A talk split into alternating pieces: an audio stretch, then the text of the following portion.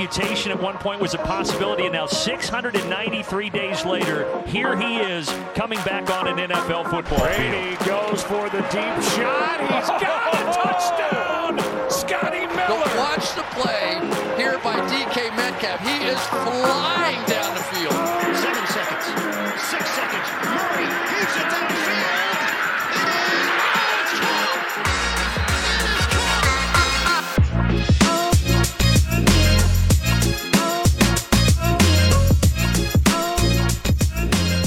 Welkom bij een nieuwe aflevering van de Sport Amerika Fantasy Voetbal podcast. Waarin we vooruitblikken naar het weekend dat komen gaat en terugblikken op Thursday Night Football. En dat doe ik niet alleen, want jawel, ze zijn er deze week allebei bij. Jimmy Driessen Hey, hallo. en Lars Leeftink. Goedemorgen. Goedemorgen heren. Nou, we hebben natuurlijk veel zin in het weekend. Eh, ik begrijp, jullie hebben allebei veel van eh, Thursday Night Football gezien. Ik niet, dus ik ga jullie zo meteen daar alles over vragen. Maar ik wil eerst naar nou, wat toch wel het belangrijkste nieuws van deze week eh, zal blijken te zijn. In een week dat Brady terugkeert naar Foxborough, hebben wij het uiteraard over de halftime show van de Super Bowl. Ja, zeker man. Ik, eh, ik, eh, ik was helemaal stookt toen ik zag wie er kwamen. Dus toch een beetje jeugdsentiment van met Dr. Dre en, later ook Kendrick Lamar. Twee, twee favorieten van me. Dus ik, ben, ik ben blij. Ja, jij noemt Dr. Dre en Kendrick Lamar. Voor mij zijn het dan toch meer Eminem en Snoop Dogg. Dus eh, nou ja, Lars, als jij er niets met Mary J. Blige hebt, dan zijn Nee, we wel. helaas. helaas. Nee, ja, dat zal. eh nou ja, Eminem eh, een aantal keer live mogen zien. eh, vind ik fantastisch. Dus het, ik ben heel benieuwd wat dit vijftal toch wel. ja, hoger dan dit kun je eigenlijk niet komen. wereldartiest eh, gaat neerzetten tijdens de halftime show in de Super Bowl. Dus ehm, ja, excited. Jimmy excited. Lars, ook wel een beetje jouw ding dit. Ja, zeker. Dit is absoluut in mijn straatje. Alleen het dingetje is wel natuurlijk een beetje dat het eh, allemaal een beetje uit dezelfde categorie muziek eh, komt, zeg maar. Dat, dus ik ben heel benieuwd. Weet je, we hebben wel vaker hele grote namen gezien en vervolgens was de show niet zo fantastisch. Ja. Dus eh, ja, de namen zijn er in ieder geval overduidelijk. Black Eyed Peas was toen slecht, hè? Precies, nou ja, bijvoorbeeld. Je had natuurlijk op een gegeven moment ook die mashup van Coldplay, Bruno Mars en Beyoncé, zeg ik Ja, uit mijn hoofd. Beyoncé, Die met- ja. Dat Ja. was wel qua, als je qua, qua combineren van star power was dat wel buiten Nou, dat heb je nu ook weer. Alleen ja, de vraag is hoe de uitvoering is. Hey, Ja, maar zal de weekend nog steeds daar in dat dolen rondlopen? of niet? Ik, eh, ik hoop alleen maar dat die dansende haai ooit nog een keer terugkomt. Goed, nou ja, dat voor wat betreft de halftime show van eh, de Super Bowl. We gaan het zien tegen die tijd. Eh, het is eigenlijk jammer dat ze maar een kwartiertje krijgen natuurlijk. Maar eh, nou, het is in ieder geval iets, iets wat helpt om wakker te blijven. Want dat heb je ook nog wel eens nodig tijdens zo'n nacht. Eh, over de nacht gesproken, wij gaan terugblikken op wat er afgelopen nacht is gebeurd tijdens Thursday Night Football. De Jacksonville Jaguars op bezoek bij de Cincinnati Bengals. Eh, former first round, dus former first overall draft picks tegen elkaar natuurlijk. Lawrence op bezoek bij Burrow. En eh, Jimmy, ja, jij gaf aan dat het een, leuke wedstrijd was. Je hebt hem helemaal live gezien. Ja, ik, ik was verbaasd eigenlijk over het niveau wat vooral eigenlijk de Jaguars lieten zien. Ja, tot nu toe zijn dat, eh, ja, is, zijn dat eigenlijk het lachertje van de NFL natuurlijk. Zeker nadat ze op de openingsdag zo eh, te kijken werden gezet door de Texans. Maar eh, ja, Lawrence zag er een beetje uit als een, als een NFL-ready quarterback voor het eerst. Dus ik, mijn fantasy hart, want ik heb toch best wel wat shares in Lawrence dit jaar. Ja. Ja, die, die ging toch even wel, wel harder kloppen. En eh, Lars, hoe kijk jij er nou? Want eh, Jimmy zegt, eh, Lawrence leek wel, leek wel een NFL quarterback. Nou, niemand was zo goed ingevoerd over deze draftklasse als jij natuurlijk. En jij gaf vooraf aan van, ja, Lawrence is toch wel op eenzame hoogte als het gaat om, om, om start ready. Heb jij dat ook voor het eerst nu teruggezien? Nou het, is in ieder geval zijn eerste wedstrijd dat hij geen, geen turnovers had. Want dat was natuurlijk, dat is sowieso een trend bij de, de rookie quarterbacks dit jaar. Veel turnovers, veel interceptions. Mac Jones begon daar iets later mee. Maar eh, ja, weet je, Lawrence die liet in de afgelopen wedstrijden zien. Hij had een paar fantastische passes ertussen zitten waarin zijn talent echt wel naar boven kwam. Maar er waren ook momenten dat je dacht van wat is dit? Eh, wat voor pasen eh, gooien? Weet je, drie nederlagen nu vier achter elkaar, wat hij natuurlijk in college ook niet gewend was. Ehm, dus ja, weet je, wat dat betreft, dit was wel zijn eerste echt solide wedstrijd, zeg maar, waarin hij, nou ja, nagenoeg foutloos was. Ja. Ehm, En ja, weet je, ik denk dat dat iets is wat Lawrence wel nodig had. Ja, eh, zo of zo door op de wedstrijd natuurlijk, maar het is wel grappig. Je had het over de turnovers. Eh, jullie weten wel op, wie het op wiens naam het rookie turnover record staat, toch? Het bleef stil. De- Is, dat, is dat Brady? Nee, het is de sheriff. Peyton Manning heeft het, eh, heeft het, heeft het, in- het interception record. Ik zei, zei ik touchdown? Ik bedoel interception record. 28 inter- eh, interceptions gegooid in zijn eerste jaar eh, bij de Colts. Dus dat, eh, dat is een Ja, volgens, volgens mij is het nog best wel goed gekomen met hem, toch? het is een re- redelijke carrière gehad. Oh, trouwens, trouwens de- heb je dat Eli en dat Peyton de Manning op eh Monday Ja. Night Football gezien? Ja, blijft- Geweldig, hè? Blijft mooi, ja. Dat is wel echt een aanwinst inderdaad. Ja, Ja. Zeker, zeker. Maar goed, eh, wat ik al zei, eh tussenuit voetbal, eh, Jim, eh, nou goed, neem ons even mee naar het wedstrijdverloop. Nou, eh, ja, eigenlijk de, de Jaguars die, die schoten uit de startblokken. En die kwamen eigenlijk al heel snel op 14-0 voor. En toen kregen ze de kans om 21-0 te maken. Ja, dat eh, werd op de goal line werd dat gestuft door de, door de Bengals. Ja, en toen eh, de tweede helft was eigenlijk totaal tegenovergesteld. Hoe, hoe hard heb jij zitten schreeuwen voor de tv, Jim? Als nu ineens nou, bij mij opkomt. Ja, ik ben een beetje verkouden, jongens. Dus mijn stem slaat af en toe een beetje over. Eh, Ik, ik meen het al te horen, maar goed. En daarna zagen we dus een, een epische comeback. Ehm, ja, wat bracht volgens jullie die, die, die, die, die, ja, die verandering teweeg? Ja, eh, dat eh, Joe Burrow moest gooien en dat hij nog gewoon steeds wel goed kan gooien. Eh, wat me eigenlijk opvalt dit seizoen is dat de Bengals heel veel pa pass eh, run heavy zijn gekomen. Zeker in een neutral script. Eh, dat was de vorige jaren waren ze eigenlijk altijd een, een, een, een pass first offense. Ja, dat is dit jaar helemaal veranderd. Maar eh, ja, Burrow liet gisteren zien dat hij toch nog eh, flink wat eh, yards kan gooien. Die heeft volgens mij bijna 350 yards gegooid. Twee touchdowns, nul interceptions. Dus deze is echt on, on Burrow. Want ik denk, ik denk ook wel dat de reden dat ze misschien iets meer gaan rennen is ook wel een beetje, denk ik, vanwege de blessure van Burrow. Dat ze Ja, zijn fitheid eh, inderdaad. Ja, ik denk dat dat wel een beetje een rol speelt. Ja, Mixon doet het op dit moment tot nu toe prima. De touchdowns ontbreken dan een beetje om zeg maar ook fantasy-wise echt te zeggen van... die heeft tot nu toe een heel goed seizoen. Ehm, maar hij staat volgens mij wel... Ja, achter Henry is hij volgens mij de, de, de running back met de meeste yards tot nu toe. Ehm, dus hij profiteert daar volop van. Ehm, maar inderdaad, eh, weet je, we waren gewend dat ze vorig jaar richting de 50 pass attempts per wedstrijd gingen. Eh, wat logisch is als je kijkt wat voor wapens ze op receiving hebben. Ehm, maar ik denk inderdaad dat die blessure er in ieder geval aan het begin van het seizoen een beetje voor heeft gezorgd dat ze toch iets meer naar de running game gaan. Iets meer ook weten hoe die O-line is. Eh, iets minder risico nemen met Burrow wat dat betreft. Ja, maar toch, toch is het bijzonder dat ze... Als je ziet dat ze Jamar Chase vroeg heb- hebben gedraft... dan denk je, oké, ze gaan nog meer pass heavy doen. Ja. En ja, eigenlijk het tegenovergestelde. Ja, ehm, als we gaan kijken naar de defensie. Nou ja, eh Lasje maakt al een klein, een klein bruggetje naar Mixon. Eh goede week, inderdaad, ontbrak hem aan touchdowns. Maar aan de andere kant zagen we iemand opstaan die eh, nou ja, eh, op de een of andere reden zijn, zijn baan nog steeds moet delen met, met Carlos Hyde. Maar als dit zo doorgaat, dan gaat dat niet lang Mix- duren. Mixon had gisteren trouwens wel een touchdown, hè? Ja, oké. afgelopen nacht wel, ja. Zeker. Ah, die had ik dan Ja. even, had ik dan even gemist. Maar eh, bela- waar ik naartoe wilde natuurlijk, James Robinson. Ja, wat wil je erover kwijt? Zeg jij het maar. Ja, eindelijk. ja, weet je wat het is? Urban Meyer is eindelijk wakker geworden. Kijk, eh, Carlos Hyde is natuurlijk zijn lievelingetje. En op het begin kwamen de berichten doordat een, eh, dat eh, Carlos Hyde, een healthy scratch zou zijn. Ja, dat bleek dus niet zo te zijn. Hij is gewoon geblesseerd aan zijn schouder. Dus eigenlijk hadden ze nou geen andere keuze in backfield om James Robinson de bal geven. Ja, en dat zag je met zijn eh, 18 eh, rush attempts. In de passing game was hij niet zo goed betrokken. Had hij maar één eh, reception met eh, negatief 2 yards. Maar eh, ja, twee touchdowns, 78 yards. Dit is gewoon, eh, net als vorige week, gewoon een heel steady game van, eh, van Robinson. En het is misschien toch weer de Robinson van vorig jaar.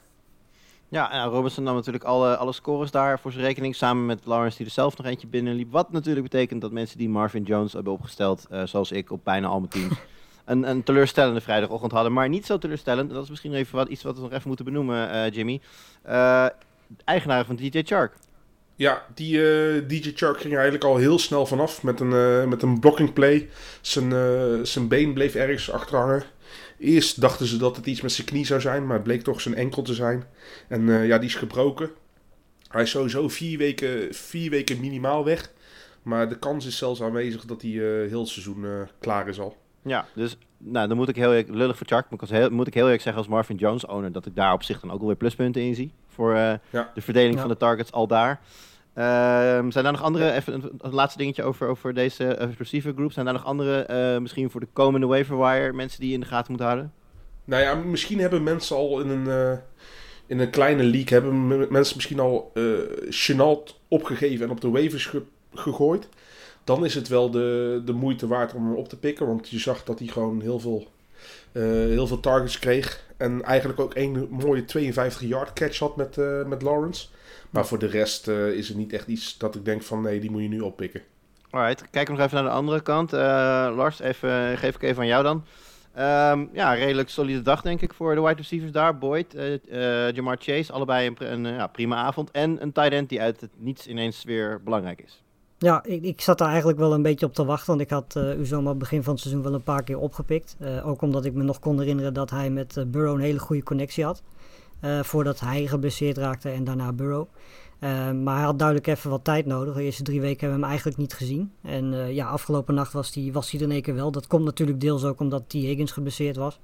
Eh, daardoor krijgt hij natuurlijk ook meer kansen. Ehm, sowieso blijft het, en dat hebben we het vorig jaar ook al heel vaak over gehad, eh, blijft het heel moeilijk inschatten wie daar nou de, elke week de, degene is die de meeste targets krijgt. Want eh, je hebt nu Boyd, je hebt Chase. Straks komt Higgins weer terug. Je hebt Uzoma ook nog erbij. Nou, Mixon die, die krijgt zo af en toe, zeker als je achter staat, ook nog kansen in de passing game. Ehm, dus dit, het is een hele moeilijke receiving group wat dat betreft om, om in te schatten. En ja, de ene week zal het Boyd zijn, de andere keer Chase, de andere keer Higgins. Ehm, ja, deze week eh, was het Uzuma en daar zat ik eigenlijk een beetje op te wachten. Het is fijn dat hij dan eh, afgelopen nacht eindelijk met twee touchdowns, 95 yards, eh, zichzelf even liet zien. Had, eh, had hij 95 yards, joh? Damn. Ja, Ja, het is met recht een... eh, met recht Ja, ik zag, ik, zag dat, ik zag dat hij veel gezocht werd, inderdaad. Maar eh, gewoon bijna een 100 yard game. Boyd had ook al over de 100 yards. Dus ja. Ja. het was eh, de Burrow show en de Uzuma show. Maar die show is afgelopen en dus gaan wij eh, kijken naar eh, het aankomende weekend. Eh, zondagavond natuurlijk een hele reeks wedstrijden. We gaan er daarvan een aantal uitpikken zometeen. Maar we beginnen net als vorige week met onze start en sit of the week. En daar wil ik even één kort dingetje over zeggen. Want kijk, als je bijvoorbeeld naar het schema gaat kijken, dan zie je bijvoorbeeld Derrick Henry versus de Jets. En dan denk ik, ja, dat zal zeer waarschijnlijk de meest makkelijk startbare speler zijn. Maar laten we eerlijk zijn, Derrick Henry, die start je elke week. Al moet hij letterlijk tegen een betonnen muur aanrennen. Dus dat zijn dan niet de interessante namen. We kijken, net, we kijken eigenlijk meer naar de namen die daar wat onder zitten, die wat opvallender zijn. En eh, met dat in je achterhoofd, eh, Lars, waar ben jij terechtgekomen? Eh, Emmanuel Sanders. Ehm, afgelopen week had hij volgens mij uit mijn hoofd twee touchdowns. Ehm, in een Bills offense die toch ja, zeker wel heel erg pass-heavy is. Met natuurlijk een, een, een Allen als quarterback. Ehm, hij had ook veel targets. Niet alleen afgelopen weekend, maar ook de weekenden daarvoor. En hij speelt, en dat was eigenlijk de voornaamste reden dat ik hem gekozen heb tegen de Texans. Ehm, weet je, Sanders is nog steeds voor mij iemand waar, waarvan ik denk van twijfel ik of ik hem wel of niet opstel. Nou ja, tegen de Texans komend weekend is dat voor mij absoluut wel een, eh, wel een start. Maar zou het niet kunnen dat, dat zijn eh, volume afneemt op het moment dat GameScript... eh ja, de Ja. Bills zullen natuurlijk voorstaan. Ik, ik verwacht... Ik, als je hier nu bijvoorbeeld Singletary en Moss had opgeschreven, dan had ik, zoiets, dan had ik dat vrij logisch Ja, gevonden. nou, Mos heb ik inderdaad ook heb ik over getwijfeld. Het ging ze tussen Sanders en Mos voor mij. Ja. Ehm, dus inderdaad, misschien, nou, hè, nu je dat Gameskip inderdaad noemt, is misschien Mos een nog betere start. En die moet je ook zeker starten. Maar ik denk dat Sanders, eh, d- ja, die gaat wel gewoon gezocht worden. Zeker in de eerste helft. Ja, weet je, als je dan één, misschien twee touchdowns krijgt, dan doet de tweede helft er natuurlijk ook niet meer toe. Maar, en, de, en de Bills blijven natuurlijk ook gewoon, ondanks dat Singletary en Moss wat meer worden betrokken bij het spel, eh, blijft de Bills natuurlijk wel echt Ja. gewoon een pass-heavy offense natuurlijk. hè. Zeker. Maakt niet uit welk gamescript ze hebben. Eh, Josh Allen blijft de bal gooien. En is Sanders de duidelijke nummer 2 achter Dix?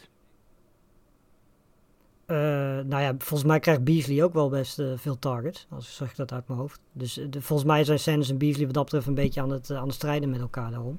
En volgens mij is Ehm. Beasley in PPR wel de betere keuze. Full Ja. PPR. Maar Qua volgens mij heeft Sanders weer meer, meer touchdowns dan Beasley wat dat betreft. Dus het, het is wat dat betreft om het even. En ja, weet je, tegen de Texans kun je ze het best wel allebei opstellen, denk ik.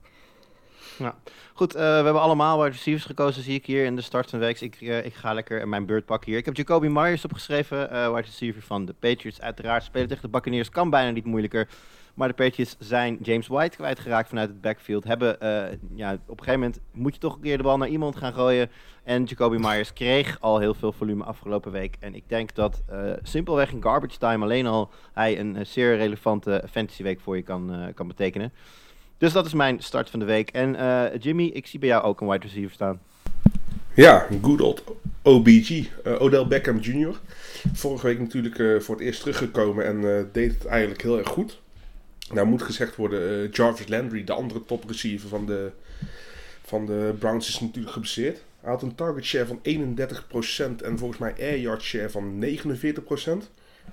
Dat is al heel erg fijn wat je wil hebben in de receiver. Maar eh, ik zat ook even te kijken bij de over-unders. En eh, er wordt een hoge score game verwacht tussen de Browns en de Vikings. Van 51,5 eh, is de over-under. Ja. Met Browns een favoriet van min 2. Dus het wordt een close game. Ik, en ondanks dat de Browns natuurlijk een, een run-heavy team zijn, denk ik wel dat Odell Beckham belangrijk gaat zijn. En de Vikings defense is tot nu toe ook nog niet super goed in de secondary. Dus ja, ik verwacht eigenlijk wel veel van OBG. Uh, hier eigenlijk hetzelfde, dezelfde vraag. Uh, want we weten natuurlijk dat Cleveland heel run-heavy is. Ben je niet bang dat OBJ niet per se nodig gaat zijn als Chubb en Hunt gewoon op gang, op gang komen en blijven? Nee, want ik verwacht eigenlijk dat uh, Cousins uh, met zijn receivergroep er, en Delvin Cook genoeg punten er tegenover kan zetten. Ondanks dat de Browns natuurlijk een hele goede defense hebben. Ja, Delvin Cook trouwens, komen we waarschijnlijk zo meteen nog wel even op terug. Maar stond woensdag wel weer gewoon op het, op het trainingsveld. Dus de kans ja, wel lijkt... limited. Ja, maar de kans lijkt aanwezig. Uh, zoals dat ze in Amerika zo mooi noemen, uh, trending towards playing. Dus nou ja, dat uh, moeten we maar in de gaten houden nog. nou ja, ja Jim... goed, en, en, Madison was een goede vervanger vorige week. Dat, ik bedoel, dat iedereen zeker, die Madison ja. heeft opgesteld, had volgens mij 20 punten in een half PPR. Dus dat is echt prima. Zeker waar. ik zou zeggen, Jimmy, pak hem gelijk maar door. Gaan we door met de sits van deze week. ik pak even weer erbij. Ja, Chase Claypool. Ik wil op dit moment uh, niks met hem te maken hebben. Puur het feit van uh, Deontay Johnson en Juju komen waarschijnlijk weer terug. Die krijgen over het algemeen meer targets. Uh, en als je ziet hoe Big Ben aan het gooien is, ja, dat, dat is niet eens meer een NFL quarterback. Ik wil niks mee te maken hebben met Big Ben. Ik wil niks met Chase Claypool te maken hebben. En ik zou OBG, zou ik 100 van de 100 keer starten over Chase Claypool. Dat uh, lijkt mij evident. Ik uh, bij mijn sit of the week heb opgeschreven Chuba Hubbard. Chuba Hubbard moet ik zeggen. Vervanger van Christian McCaffrey. Uh, ik denk dat als je hem hebt. Je hebt bijvoorbeeld Christian McCaffrey en je had Hubbard genomen als, als handcuff. Dat je waarschijnlijk niet heel veel opties hebt die beter zijn dan hij. Um, maar de Cowboys hebben een vrij goede run defense. Zijn samen met de Steelers de enige defense die nog geen enkele rushing touchdown hebben tegengekregen. Um, ik uh, maak me daarbij ernstig zorgen. Ik vond ook dat toen uh, Christian McCaffrey wegviel, de Panthers, uh, de Panthers aanval een belangrijk deel van zijn effectiviteit verloor. Nou ja, dat doet mij nou, huiverig zijn om Chuba Hubbard. Maar wat ik al zei, het is mijn sit of the week. Ik weet alleen niet zeker of je het kan veroorloven om hem te zitten. Lars, ik zie bij jou eigenlijk ook Chuba Hubbard staan, maar dan de versie van vorig jaar.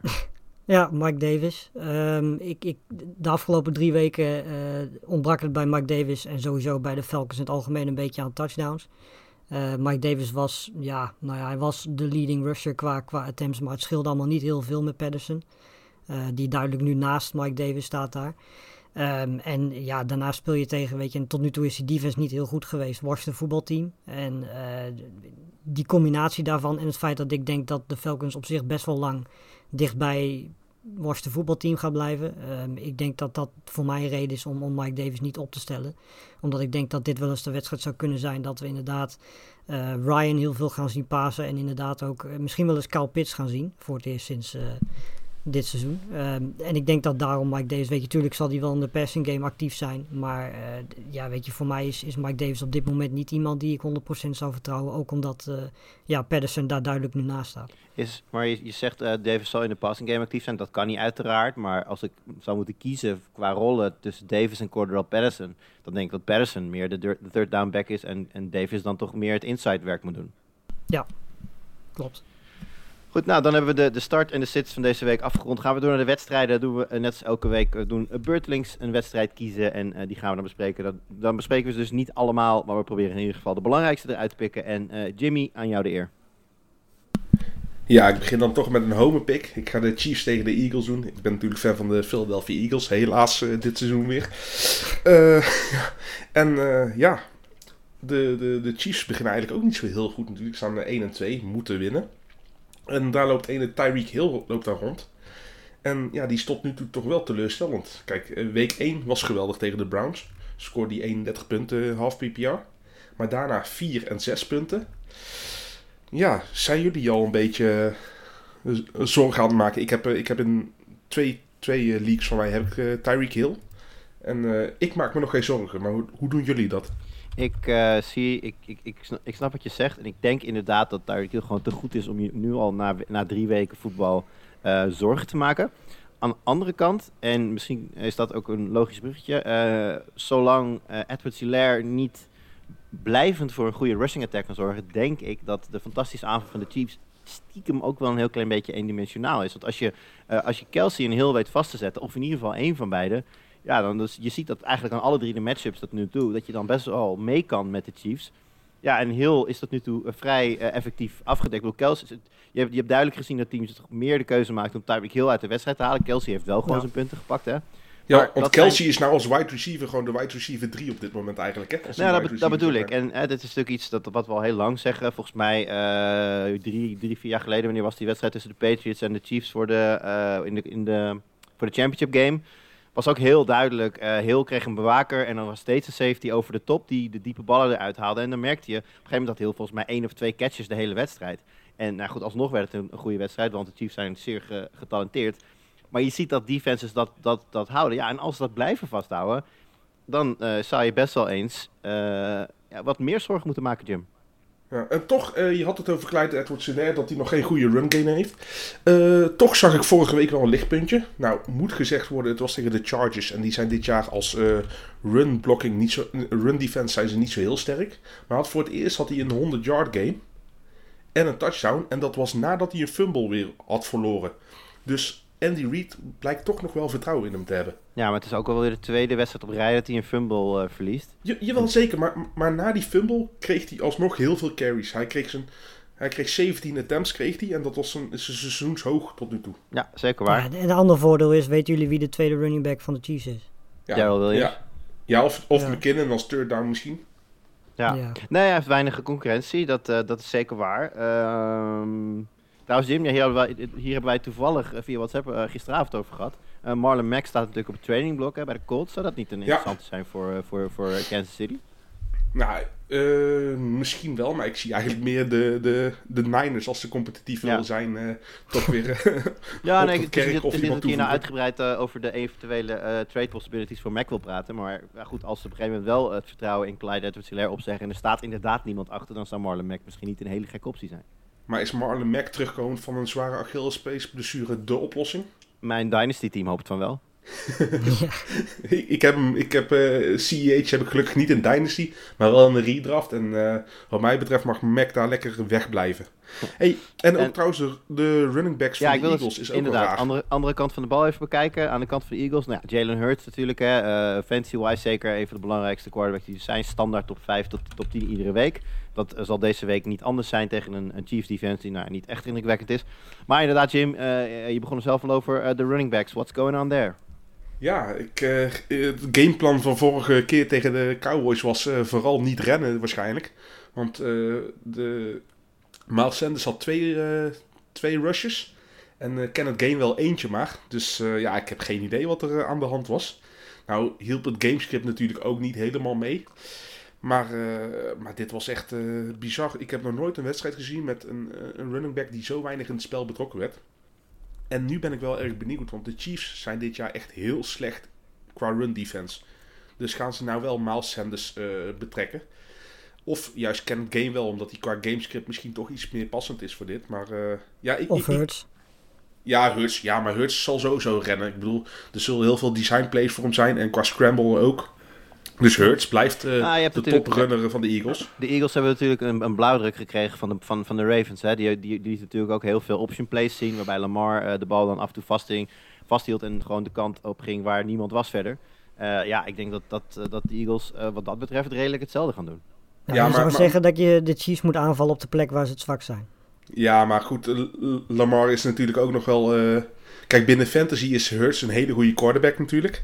Maar in het echte American voetbal is Lamar Jackson natuurlijk wel echt een eh, stapje of eh, twintig beter dan Jawel, maar als pure runner en, en bij een option play ben je alleen maar aan het kijken van, nou ja, wie, eh, wat Nee, is beter, links of rechts? En ja, zo'n read moet Hurts ook nog wel kunnen maken. En als pure runner zijn ze vergelijkbaar. Bedoel, Lamar is buiten categorie, absoluut. Als, als Hurts de nummer 2 is, denk ik dat dat een prima plek is voor hem. Maar het is, ik, de plays die Lamar maakt met zijn benen, het grootste deel daarvan kan Hurts zeker ook maken. Nee, zeker. Alleen ik heb nog wel eh, wat vraagtekens bij de offensive line van de Eagles. Want we zeggen ieder jaar, het is een top 5 OL. Totdat er blessures komen en ze zijn alweer helemaal vol met blessures. Ja, dat is inderdaad een, een jaarlijks terugkomend eh, thema. Ehm, ja, normaal gesproken doen we natuurlijk allemaal de, de wedstrijden callen. Kunnen we doen, moeten we het wel snel doen. Dus eh, Jim, Lars, dan ik. Chiefs. Chiefs. Chiefs. Gaan we door. Eh, Lars, mag jij de volgende wedstrijd kiezen? Ja, dan ga ik voor eh, Cardinals-Rams. Ehm, Cardinals natuurlijk de afgelopen drie weken heel veel punten gescoord. Eh, afgelopen week een keer niet dankzij Murray en Hopkins, maar andere namen. Ehm, eerste echte, echte test misschien wel voor die offense tegen de, tegen de Rams, die tot nu toe dit jaar heel goed spelen. Ehm, heel interessant om te zien bij, bij de Rams natuurlijk. Het gaat nu alleen maar over Cooper Cup. En terecht ook natuurlijk. Ehm, maar ik sta zie hier inderdaad staan Robert Woods op een melkpak. Ehm, ja, iedereen die Woods op dit moment heeft, is denk ik niet zo heel erg blij met hoe zijn eh, productie tot nu toe verloopt. Nou denk ik persoonlijk dat dat langzamerhand wel weer een beetje zal, eh, dat het wel een beetje 50-50 zal worden. Dat ook hij wedstrijden zal hebben, dat hij beter is dan een Cup, meer produceert.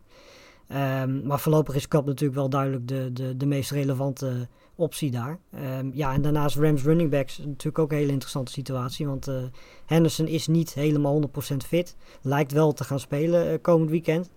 Eh, maar afgelopen weekend eh, liet Michel wel zien, eh Sony Michel wel zien dat hij, dat hij in ieder geval actief is. In ieder geval steeds meer een rol krijgt. Ik ben wel heel benieuwd als Henderson fit is. eh, hoe die rolverdeling tussen die twee dan gaat zijn. Want dat kan zeker voor Henderson nog wel eens eh, gevolgen hebben. Kijk, en de Cardinals zijn qua run defense geen eh, Buccaneers waar ze de vorige, vorige Nee, week tegen zeker speelden. niet. Nee, klopt.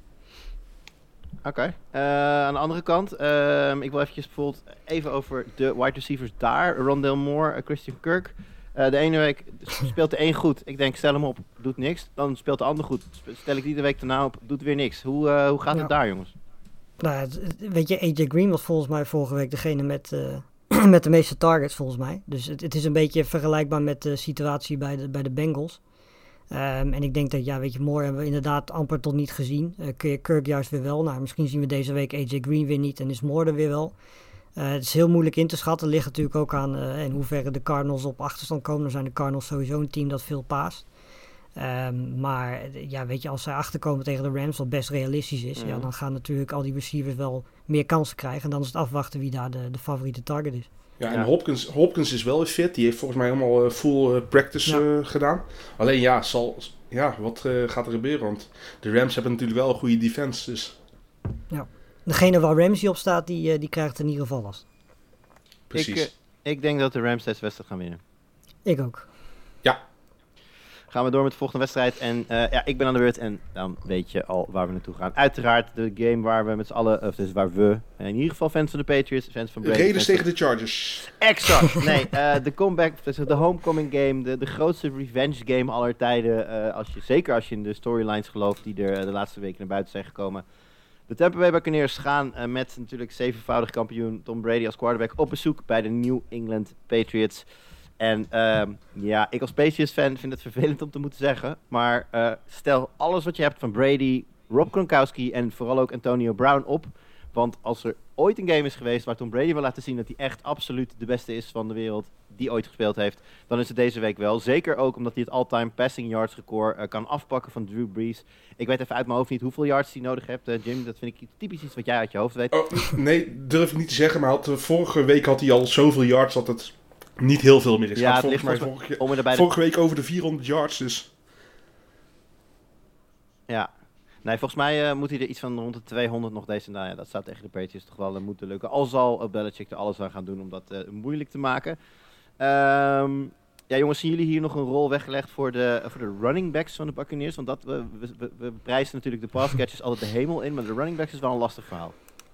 Ja, voor, voor net de enige die ik zou durven opstellen. Eh, Bernard sowieso is hij geblesseerd. En eh, vorige week het gamescript hielp heel erg mee.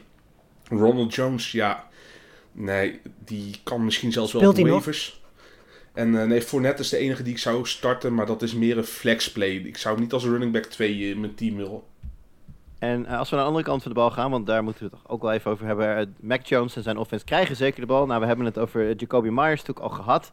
Eh, ik zei al, die kan wellicht eh, rekenen op nog meer passes nu James White out is.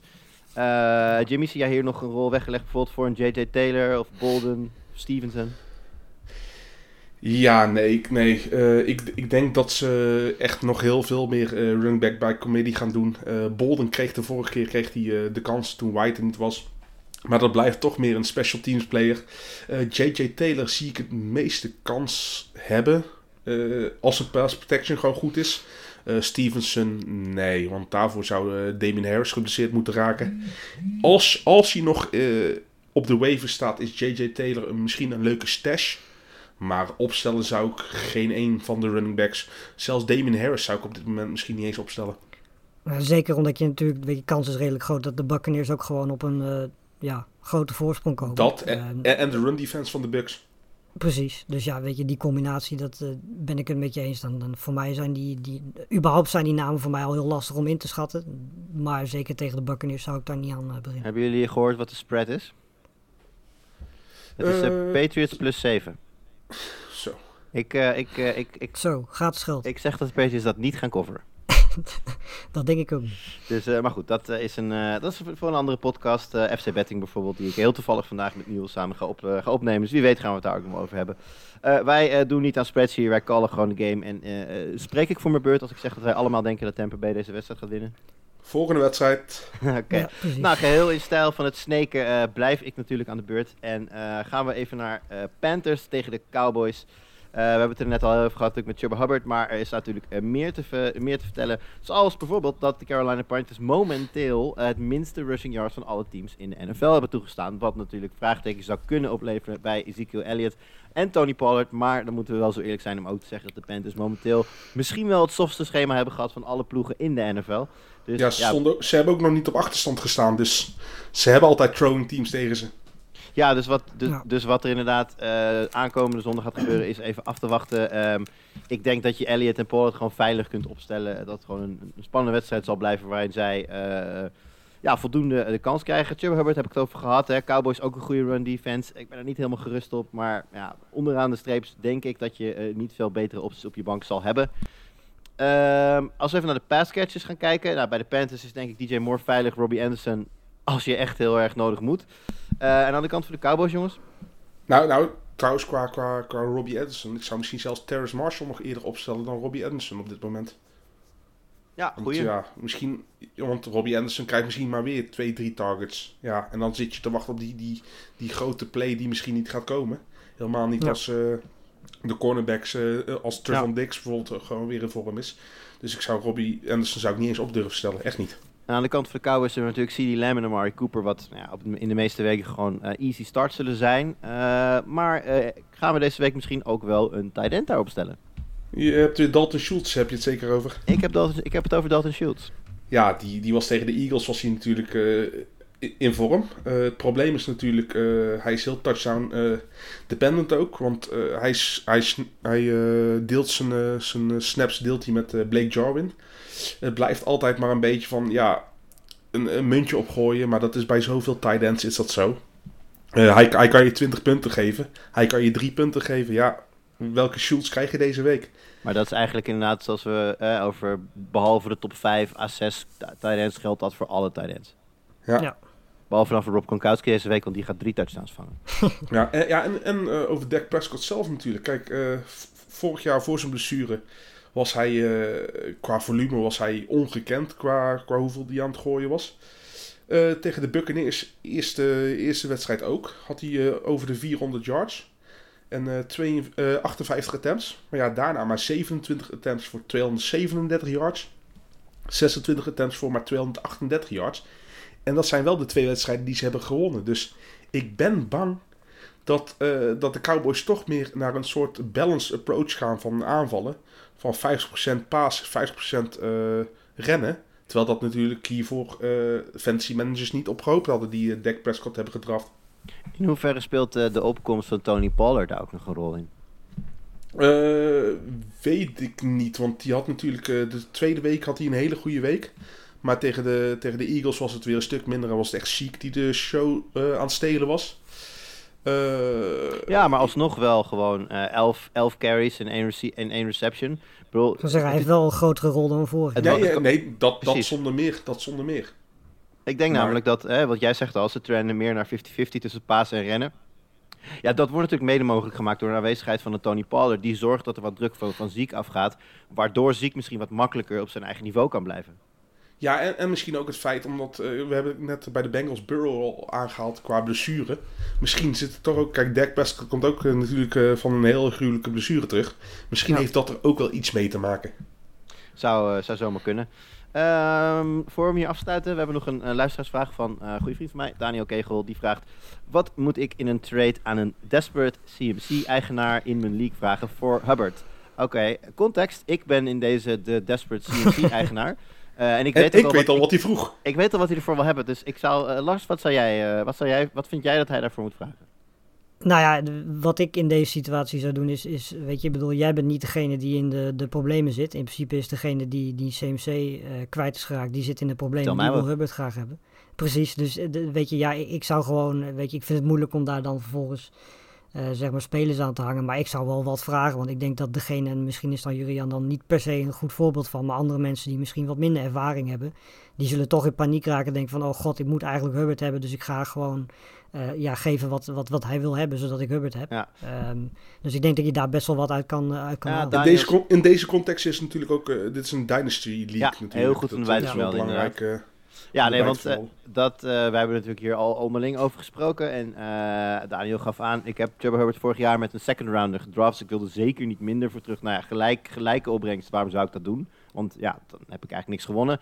Dus hij vroeg om mijn first rounder voor de aankomende rookie draft. En ik moet heel eerlijk zeggen, als ik niet... Het is niet mijn voorkeur om Chuba Hubbard met een first rounder nu op te pikken.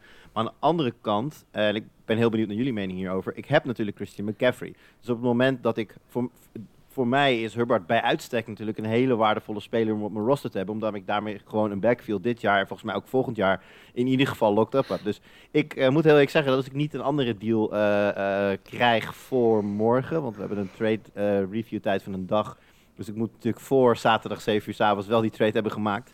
Als me dat nu niet Ja. lukt, dan denk ik toch dat er een first rounder naar Daniel toe gaat in, Ja, laten we wel wezen, de CMC is de laatste jaren ook niet echt de meest fitte running. Nou ja, daarom. Dus de kans Dus, dat het nog een keer het, gebeurt is, is het is een dure insurance policy in dit geval, maar ik eh, Ja. denk dat het voor mij wel sens maakt om daar eh, serieus over na te denken. Ja, voor, voor mij is het heel makkelijk. In een redraft league en je staat, eh, je staat 3-0, je staat 2-1. Lekker laten. Eh, CMC is misschien maar twee weken weg. Dat kan je prima coveren. In het slechtste geval sta je 3-2 naar, naar de week 5. En dan heb je CMC weer terug. Maar in een dynasty zoals jij nu zit, is het, ja, is het wel logisch. Want je denkt ook lange termijn. Hmm. Eh Chuba Hubbard krijgt misschien wel de kans om zich meer te laten profileren. Misschien kan hij straks als CMC eh, aan het decline is, kan hij de rol overnemen. Je weet het niet. Maar ook als CMC nog wedstrijden gaat missen, volgend seizoen heb jij in ieder geval je cover. Ja, Ja. dus dat. En eh, ja, goed. En even vanuit Daniels perspectief natuurlijk. Veel meer dan wat de CMC-eigenaar ervoor geeft, ga je waarschijnlijk niet krijgen. Want voor anderen is het een speler die eigenlijk alleen maar interessant is als CMC niet speelt. Precies. Goed, eh, we moesten deze wedstrijd nog callen. Panthers at Cowboys. En ik ga hier voor de Dallas Cowboys. Ik eh, ga helaas met je mee. Cowboys. Allemaal Cowboys. We zitten tot nu toe allemaal op één lijn, jongens. Misschien moet het misschien... Nou, Saai eigenlijk. Lars, volgende wedstrijd is voor jou. Misschien moet jij nou eens een wedstrijd kiezen die iets spannender is. Eh, dan ga ik voor eh Monday Night Football, Raiders Chargers. Ehm, voor mij persoonlijk misschien wel de wedstrijd van, eh, van de week. Nou, dan hoop ik, dan hoop ik dat Ehm, jij de Raiders gaat callen. Anders denk ik dat dit gewoon weer drie keer hetzelfde wordt, hoor. Ehm, ik denk dat ik inderdaad hier neig naar de Raiders. Ehm, het is natuurlijk vooral interessant de situatie op, op running back. Hè. Jacobs is natuurlijk alweer geblesseerd. We hadden dat van tevoren ook al gezegd. Dat, vorig jaar merkten we dat ook al, dat hij een beetje blessuregevoelig is. Nou, tot nu toe dit seizoen heeft hij amper tot niet gespeeld. Ehm, en ja, Barber hebben ze opgepikt en die is eigenlijk op dit moment eh, de, de lead back daar. Ehm, Drake, ja, die is vooral interessant omdat hij nog redelijk actief is in de passing game. Krijgt best wel veel targets. Ehm, dus dat is eigenlijk de enige reden dat Drake nog relevant is fantasy-wise. Want eh, in principe is Barber gewoon de, de lead back daar. En daarnaast, ja, Carr speelt weer fantastisch dit seizoen. En Renfro is, is in hele goede vorm. Edwards, die is dit jaar ook zeker in, in, in slotfases van wedstrijden is die heel erg goed. Eh, Waller, die was natuurlijk in de eerste wedstrijd goed, maar is daarna qua targets een beetje naar beneden gegaan. Ehm, maar in principe, ja, tegen de Chargers in een, een, offense waar, waar je normaal gesproken zeker tegen Herbert weer veel gaat pasen. Denk ik dat, dat bijna alle receivers die, die, die Carr om zich heen heeft wel, wel interessante opties zijn komend weekend. En Jim, zie jij hier nog eh, eh, interessante, interessante dingen met bijvoorbeeld Peyton Barber in die situatie daar? Lars begon natuurlijk al even over. Nou ja, ik zou sowieso, eh, als je Peter Barber of George Jacobs owner bent, zou ik eh, de blessure reports in de gaten houden. Eh, ja, speelt, Julie, speelt Josh Jacobs, dan kan je Barber op het bankje laten. Speelt, is is Jacobs geblesseerd, Barber gewoon in je flex gooien, misschien zelfs running back 2, omdat de Chargers heel slecht zijn tegen de, tegen de running backs. Ja, eh, Renfro in PPR is gewoon een hele goede flex. Vanuit de slot krijgt hij heel veel targets. Eh, maar eigenlijk vanuit de andere kant wil ik even kijken naar de, naar de Los Angeles Chargers. Ja, hoe lang Eh, blijft Mike Williams nog een top 10 eh, wide receiver? Lang, lang. Ik bedoel, hij, hij doet het goed. We hadden vorige week, ik bedoel, we hebben vorige week heel veel slechte dingen gecallt met Tyson Williams moet je starten. Was dat Nou, niet goed? Nee. Eh, nee, die, die zat net als Ayuk in de doghouse. lichtelijk tegen. Maar eh, we hebben ook gezegd dat we geen zorgen moeten maken over Justin Herbert. Want je zag het. Een eh, 281 yard game, dat was misschien niet eens zo heel geweldig. Maar wel gewoon vier touchdowns tegen de Chiefs. En dit zat er aan te komen. Die jongen is zo getalenteerd. eh, kan zelfs onder druk zo goed passen. Eh, ja, en je hebt Keenan Allen, je hebt Austin Eckler. Je hebt, je hebt nou dus ook Mike Williams met zijn, eh, met zijn zesde jaar breakout. Ja, dit is, dit is een offense waar je... Normaal gesproken wil je van de Chiefs heel veel mensen hebben. Ik wil zeggen, de Chargers zijn de mini-Chiefs in fantasy dit jaar. En dan is Eckelen nog niet eens een wereldvorm. Nou, In vorm wel, maar hij deelt gewoon targets met nou, Keenan Allen. Met Ja, Mike precies, Williams heeft ja. in principe een, een, een opvallend grote rol in vergelijking met voorgaande jaren. En dat jawel. kost Eckler denk ik nu een beetje kansen. Maar ik, nee, maar ik vind het juist heel raar dat, dat Lars dit opbrengt. Want eh, hij is de nummer 5 in PPR en de nummer 6 in standard. En in standard is Eckler normaal geen supergoeie running back. Eh, hij is- wordt gewoon betrokken in de passing game. Eerste wedstrijd tegen de Washington voetbalteam had hij 0 targets. Daarna had hij de 9, daarna had hij de 6. En het grootste Ja. verschil is, hij krijgt nou ook meer red zone eh, opportunities. Ja. Dus waar hij normaal eh, alleen van de receiving touchdowns moet hebben, heeft hij dit seizoen ook al één rushing touchdown. En als dat ook gewoon nog blijft, is hij gewoon eh, minimaal een top 8. Maar kan hij zelfs top 4 worden. Dat eh, denk ik ook. Eh, laatste nog even over deze wedstrijd. was nog een, eh, een luisteraarsvraag van Wouter Holsappel. Eerste vraag van mij, Jimmy. Wie heeft jullie matchup gewonnen vorige week? Ik, met een bizar lage score. Ik zat ergens in de 80 met half PPR, met, met flex. En Hols had iets van 60 punten of zo. Dus het was echt, echt te walgelijk. Ja, ik zou je vertellen, ik zat, eh, heel kort zijstapje, ik zat met eh, onder andere Hols eh, op een terras in Amsterdam en toen zei ik al tegen hem van, als Jimmy herhaaldelijk tegen je zegt dat, dat Jimmy kansloos is, dan kan ik je garanderen dat hij gaat winnen. dus nou, bij deze, ik, ik had het voorspeld. Maar goed, de vraag van Wouter Holsappel, dat was natuurlijk niet wat het geworden was, want dat wist hij al. Zijn vraag is, wat moet ik doen met Barber? Ja, heb ik eigenlijk net al gezegd toch? Als Josh Jacobs geblesseerd is, starten. Als Josh Jacobs fit is, niet starten. En hou je hem, eh, is het wel de moeite waard om hem op de bank te houden, of is Ja. hij ook weer niet zo'n goede handcuff, dan kan je hem gewoon droppen? Nou ja, eh, Josh Jacobs heeft natuurlijk al een blessuregeschiedenis. Dus eh, het ligt er ook een beetje aan wat er verder op de waves is. Wat je nodig hebt, hoe je bye weeks straks zijn. Dus het heeft wel allemaal context natuurlijk. Maar in principe zou ik hem, als je hem niet hoeft te droppen, gewoon lekker laten. Goed, Lars, jij aan, jij called hier de Raiders. Ja. Ik zeg Chargers. En Jimmy? Ja, Chargers. Grote verrassing. Nou goed, Jim, eh, de Snake is weer terug bij jou, dus de volgende wedstrijd is voor jou.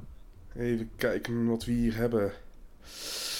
Eh, ja, toch even wat eh panieken bij mij. Lions tegen de Bears.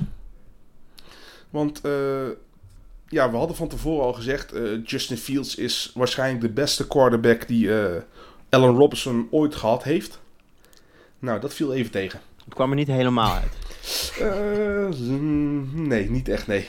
En ik maak, me- ik maak me zorgen. Niet alleen over, eh, over Robinson, maar ook over eh, Montgomery. Maar eh, we kijken wel even terug naar die wedstrijd. En die Dalton valt uit. Eh Fields komt erin. Hebben we dit niet vaker besproken in de zin van als hij een week de tijd krijgt om zich voor te bereiden, en dat het dan de wereld er heel uit nee, maar heel anders Justin Fields was gewoon starter, hè? Oh, wacht, Ja, even, ik, zit al, ik zit al een week eerder te denken Ja. weer. Ja, tegen, Ja, tegen is Cleveland was hij gewoon een starter. Dat is wel pijnlijk. Ja, Ja, en, dan, en, eh, en Allen Robinson ook eh, toen eh, Dalton nog wel aan het starten was. De eerste wedstrijd kreeg hij heel veel targets tegen de Rams. Maar daarna heeft hij vier targets en zes targets gehad. Met steeds maar twee catches. Nou moet ik zeggen, tegen de, tegen de Bengals heeft hij een touchdown ge- gescoord. Maar miste die ook nog een touchdown. Dus dat zou het nog een beetje gemaskeerd hebben. Maar eh, het is iemand die je normaal gesproken om zijn steadiness draft. En ja, zijn floor lijkt helemaal weg te zijn. Drie- 3,7 punten afgelopen week in een half PPR. Ja, dat is niet best. Eh, de Bears zelf natuurlijk nu 1 en 2. Krijgen de Lions thuis op bezoek. Ik denk dat dit echt een must-win is, ook voor de coachingstaf. Eh ik denk dat het anders een, eh, nou, een heel heet stoeltje gaat worden daar in, in Chicago. Ehm, ja, Jim, hoe denk je, je bent natuurlijk niet de enige die zich zorgen maakt. Hè? Dus, dus voor alle eigenaren van inderdaad Allen Robinson en, Mon- David Montgomery. Ehm, ja, hoe ga je daarmee om? Is dit gewoon op je bank zetten en hopen dat het volgende week beter gaat? Ja, want sowieso, eh, als je hem nou trade, eh, zeker eh, Allen Robinson, je krijgt er niks voor terug. En daarvoor is hij te talentvol. Eh, hij heeft het onder veel slechtere eh, quarterbacks heeft hij het laten zien dat het gewoon een top 12 wide receiver kan zijn. Natuurlijk kan hij dit jaar eh, iets slechter zijn, we zeggen top 24 receiver. Maar dat heeft hij ook nog niet laten zien. Dus eh, op dit moment zou ik een bankje houden. En eh mijn start of the week, een O- OBG, zou ik dit seizoen op dit moment starten boven Allen Robinson. Jouw start of the, of the week, eh, Jacoby Myers, heb ik in de basis. En ik heb Allen Robinson op de bank zitten. Ja, ik ondanks denk dat ik het daar tegen de, dezelfde- ondanks ik zou dat het tegen de keuze is. Ja, nee, ik zou dezelfde keuze maken, denk ik. Maar is Montgomery qua Bears niet gewoon de enige interessante optie Eh, voor komend weekend? ja, dat denk ik wel. Want ook Darnell Mooney valt een beetje tegen. Totdat Justin Ja. Fields kan laten zien dat hij eh, Precies. in de NFL ready is. Al moet ik zeggen, zijn eh, offensive line is ook gewoon slecht op dit moment. Ja, verschrikkelijk. en Maar de nou zeg je- defense, en de defense Lars? van de Bears is gewoon weer steady. Dus En daar zegt Lars dus, eh, is Montgomery wellicht de enige veilige optie. Eh, vorige week lichten wij natuurlijk de Baltimore running backs uit, omdat die tegen de Lions speelden. En wij hadden zoiets van, nou, start ze allemaal, want die gaan allemaal scoren. Dus wij wilden dat ze allemaal niet gingen scoren. Maar ja. dat is, ik, ik, ik, ik, ik voel hier een klein beetje een, een herhaling. Ja, al moet ik zeggen, David Montgomery is natuurlijk wel beter dan alle running backs die eh, de Ravens eh, fit hebben op dit moment. Ik bedoel, Tyson Williams is een redelijk oké speler, maar er is een reden waarom die eh, van tevoren niet eens bekend was bij, bij het merendeel natuurlijk. Ja, ja Dus, precies. Dus ik, ik vind Montgomery vind ik wel, wel een, een stapje hoger en dat is nog steeds wel een, een running back 2. Alleen je had toch, zeker na zijn eind van het seizoen van vorig jaar, toen hij gigantisch goed was, is dit toch wel een tegenvaller. Maar goed, het- hij heeft tegen de Browns gespeeld. Hij heeft tegen de Bengals gespeeld, die defensief ook best wel goed zijn. En zijn beste wedstrijd was tegen de Rams. Dus ja, hij kan het wel. Als we even naar de andere kant kijken. ehm, ja, beide running backs, easy starts. En verder? Nee, nee ja, Jamal Williams, eh, niet meer zo'n easy start als hiervoor. Is het, Eh, ja, is het, nu, is het nu Swift zijn backfield? Ja, ja, ja. Is, eh, heeft, eh, heeft, eh, Campbell heeft het al in de media gezegd. Je gaat veel meer Swift zien. En terecht ook, want qua talent is dat van die rookie-klas van vorig jaar, die, die ook Jonathan Taylor had, die Clyde Edwards-Helaire heeft, en Dobbins, Akers. Ik denk dat Swift wel gewoon mijn favoriet is daarvan. En ik denk zelfs in Dynasty is het voor mij zelfs een top 5 running back, makkelijk. Ja, ik, eh, ik ben groot aandeelhouder in Cam Akers. En zonder die Achillespeesblessure had ik, had ik nu tegen je ingegaan gezegd van... Ik, heb, ik voorspel meer voor Cam Akers. Maar ja, goed, we weten allemaal, zeer zware blessure. Zeker voor een running back. Dus dat nog maar afwachten of die eh, ooit weer terugkomt op zijn niveau. Dus wat dat betreft ben ik het inmiddels denk ik wel met je eens. Want Swift is ook, eh, ook denk ik een van de weinige running backs die maakt niet uit of ze voor of achter staan qua gamescript. Ja, zeker. Hij zal altijd betrokken worden. In de passing game, in de running game. Dus hij is gewoon eh match-proof. En verder Hawkinson en dan punt, toch? In deze Nou wedstrijd. ja, maar ja, Hawkinson eh, legde de vorige week ook Dat was even vorige week niet zo best, hè? Eh, Nee. twee Nou, wel- had hij. Maar een te goed track record om hem nu al te benchen, denk ik. Ook omdat, Ja, ook omdat ook. ja, Ja. als, je, als je Hawkinson niet zou spelen, dan moet je dus iemand waarschijnlijk van de waiver wire aftrekken. Ja, waar kom je dan mee aan? Ja. Tenzij Ja. bijvoorbeeld Rob Gronkowski nog op je waiver wire staat, dan zou ik zeggen van, doe je ding. Maar eh, anders eh, denk ik dat Hawkinson toch wel heel makkelijk de, de, de, de optie is waar je, die je speelt. Eh Detroit Nee, zeker. Lions op bezoek bij de Chicago Bears. Ik zeg dat de Chicago Bears deze wedstrijd winnen en keurig 2-2 staan na deze wedstrijd. Ja, Bears. Eh, ik ga voor de Lions gewoon, puur voor de upset. Doe je heel goed. Eh, nu zijn we allemaal aan de beurt geweest. Maar omwille van de tijd denk ik dat we nog best wel iets kunnen doen. En dan wil ik toch nog heel even snel kijken bij de Baltimore Ravens. At de Denver Broncos. Eh, nou ja, wat we hadden het namelijk, is vormt wel een mooi bruggetje. We hadden het net natuurlijk over de running backs van de Ravens. Eh, Tyson Williams, eh, vorige week slecht. Eh, eigenlijk allemaal slecht. Is er hier een, een, een, een running back die we deze week durven te starten tegen een ja, toch wel waarschijnlijk goede eh, Broncos defense? Nee. Ik niet. Totdat we zeker weten wie nou echt de leader is in de backfield en eh, wat ze gaan doen. Eh, Ja. De Bateman komt natuurlijk ook terug van de IR, dus eh, Lamar krijgt nog een passing optie erbij. En Boykin. Ja, Boykin ook nog, ja. Dus Ja. eh, nee, ik zou het aankijken. Ik zou Tyson Williams nog niet droppen, dat niet. Maar ik zou hem zeker niet opstellen. Hij zal de facto het meest de running back zijn die op het veld staat. En ja, goed, hè, we hebben het natuurlijk over de option plays gehad. op het moment dat daar gaten beginnen te vallen, kan het natuurlijk zomaar hebben. De upside is, is, is redelijk aanwezig, alleen de floor is gewoon heel laag. Precies. Oké, en aan de andere kant van de bal, eh, nou ja, het, het gaat natuurlijk lekker. Judy is al een tijdje uitgeschakeld daar. KJ Hamler is nu ook nog out of the season. Eh, Sutton, nou ene week wel, andere week eh, niet presterend. Eh, Tim Patrick, hij wordt wel omschreven als de beste vierde wide receiver in de league af en toe. Eh, is dit de week waarin we hem vaak gaan zien? Ja, moet wel toch? Als het nu niet gebeurt, wanneer wel? Ja, en ik hoop ook vooral dat we Noah Fant een beetje meer gaan zien. Want als het nu niet gebeurt, dan eh, heb ik eigenlijk geen idee wanneer het wel gaat gebeuren. Dus het is een beetje afvragen of we Noah Fant of Noah Phantom gaan zien. Waarom pats? Laatste puntje hier, jongens. En dat is ook meteen aansluitend op een vraag van Bob. Die vraagt Gordon of Williams. Bedoelt hij natuurlijk mee. Melvin Gordon of Javante Williams. Nou, Melvin Gordon begon natuurlijk als lead back. Maar dat werd al heel snel 1A, 1B. Eh, hoe ver is het moment nog weg dat Javante Williams dit backfield naar zich toe trekt? Eh, verder dan dat je denkt. Want eh, tegen de Jets was het juist weer Gordon die veel meer attempts had. Die had er 18 en Williams had er maar 12. Williams wel iets meer in de passing game. Maar ik denk op dit moment, als je zekerheid wil hebben, Gordon. Maar uiteindelijk gaat het wel Williams worden. Maar als je ze beide hebt, zou ik Gordon eerder opstellen deze week. Klein dingetje. Melvin Gordon, limited participant on Thursday. Oftewel, hij heeft donderdag niet volledig meegetraind. Kampt met een rib en een beenblessure. Ja. Spec- specifieker dan dat heb ik het niet.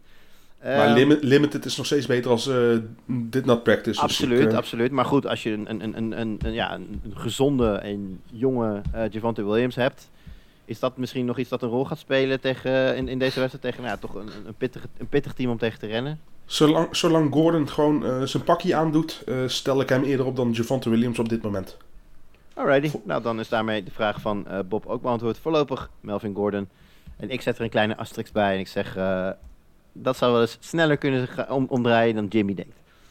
Gaan we hem callen? Ik eh, Ravens, vind, ben ik het Ravens en de. Broncos. Broncos eh, zijn natuurlijk uitstekend begonnen, maar hebben ook nog niet hele goede tegenstanders gehad. Ik denk dat eh, Lamar zijn team naar de overwinning gaat leiden in Denver. En ik zeg de Ravens winnen. Broncos zijn, eh, Broncos zijn zelfs een min 3 favoriet, hè? Ja, dat vind ik niet heel raar. Dit is het eerste grote team dat ze tegenkomen volgens mij. Ja, nee, maar dat ze dus juist favoriet zijn. Oh, sorry, Ze- favoriet. Dat vind ik wel raar. Ja, Maar Dus, dat zal eh, dan puur op basis van hun record zijn natuurlijk. Die, zijn, die zullen 3-0 zijn, denk ik. Ja. Ja, precies. Ja, dat, en dan kijken de, de, de, de, Vegas kijkt dan natuurlijk ook naar het record. En niet zozeer naar wie ze allemaal hebben verslagen. Eh, maar goed, wat ik zei. Ik zeg eh, Ravens. Ravens. Broncos. En Jimmy? Goed zo, Jimmy. Ik ben, eh, ik ben dwars vandaag.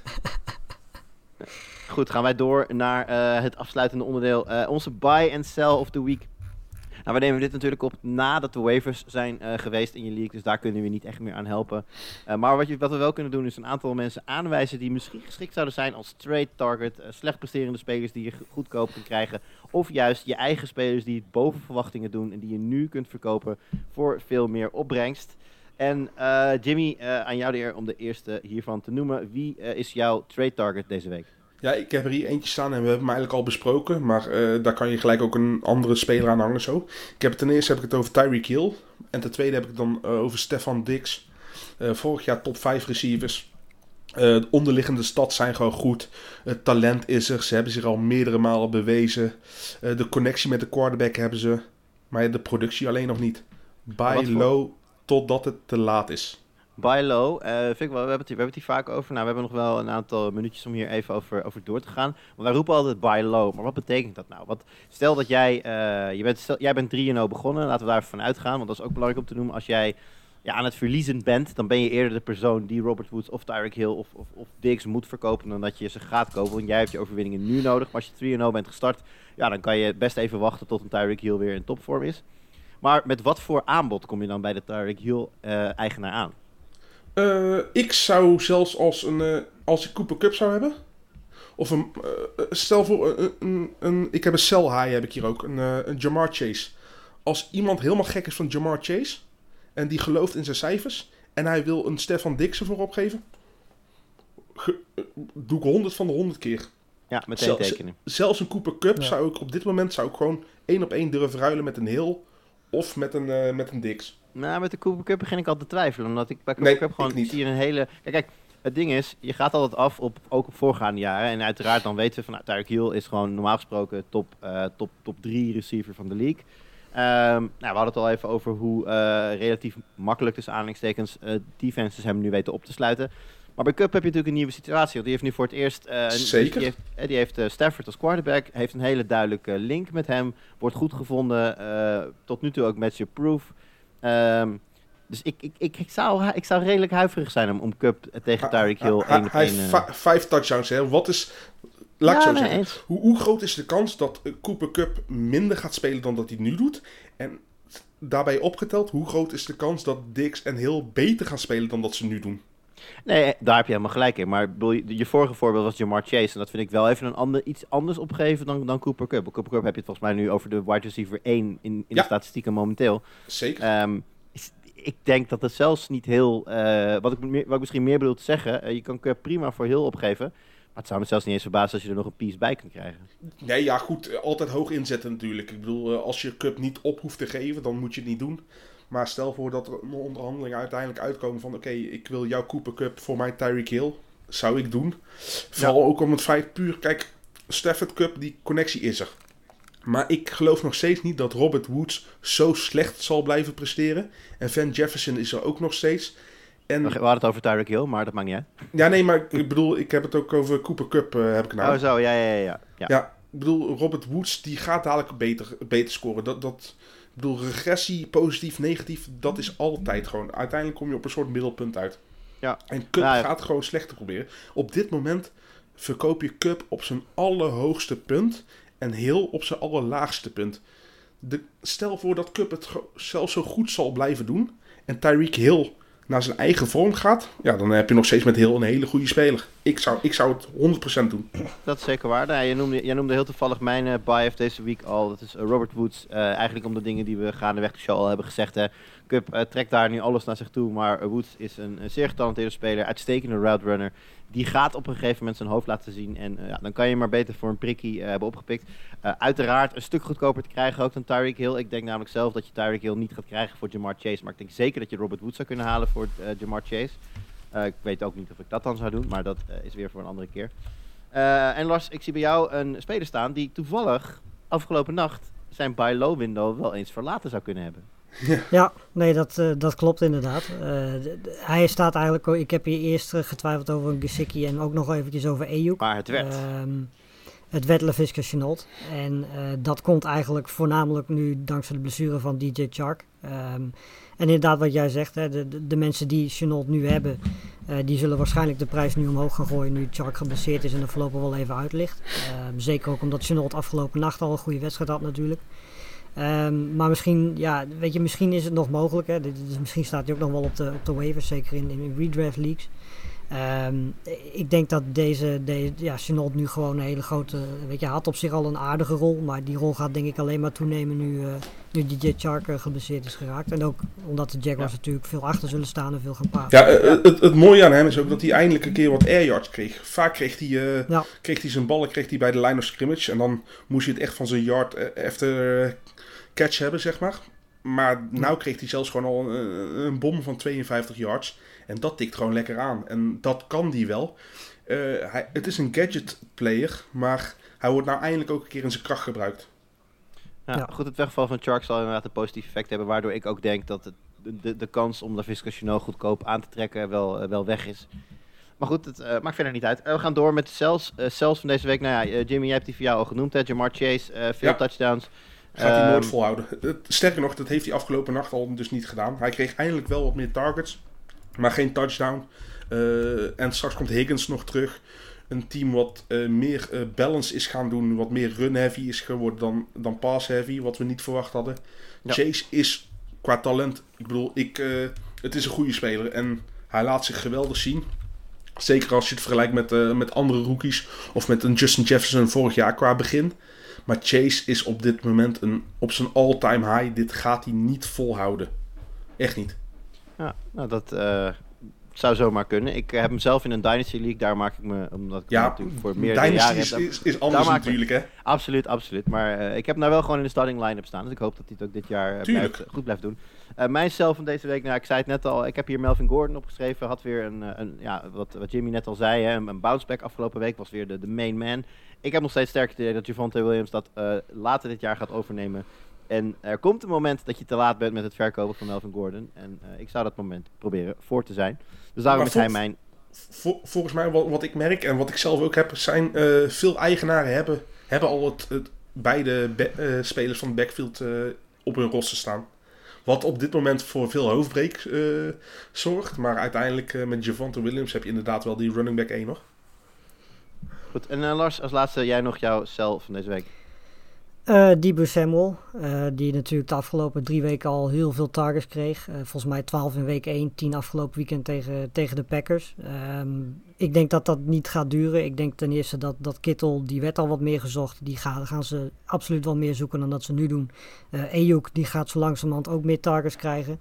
Ehm, en daarnaast denk ik zeker als de, de running backs bij de 49ers weer wat fitter wordt, gaan ze ook wat meer naar naar de running game toe. Ehm, en ik denk dat dat eh, uiteindelijk, weet je, natuurlijk zal Samuel wel een belangrijk onderdeel blijven van, van deze offense. Ehm, maar de scores die hij zeker in de eerste twee weken gehaald heeft, zie ik hem de rest van dit seizoen eigenlijk niet meer, niet meer zo halen. Misschien zo af en toe één of twee keer, maar niet eh, consistent. Daar eh, ben ik het wel geneigd eh, mee eens te zijn. James, jij daar nog iets anders in? Nee, helemaal niks. Ik ik, eh, ik eh, zou inderdaad juist alle Ayuks eh, kopen en alle Samuels verkopen. Dan eh, laten we het hierbij. Jongens, hartstikke bedankt voor jullie schitterende inzichten en hete takes. Luisteraars, bedankt voor het luisteren en bedankt voor het insturen van de vragen.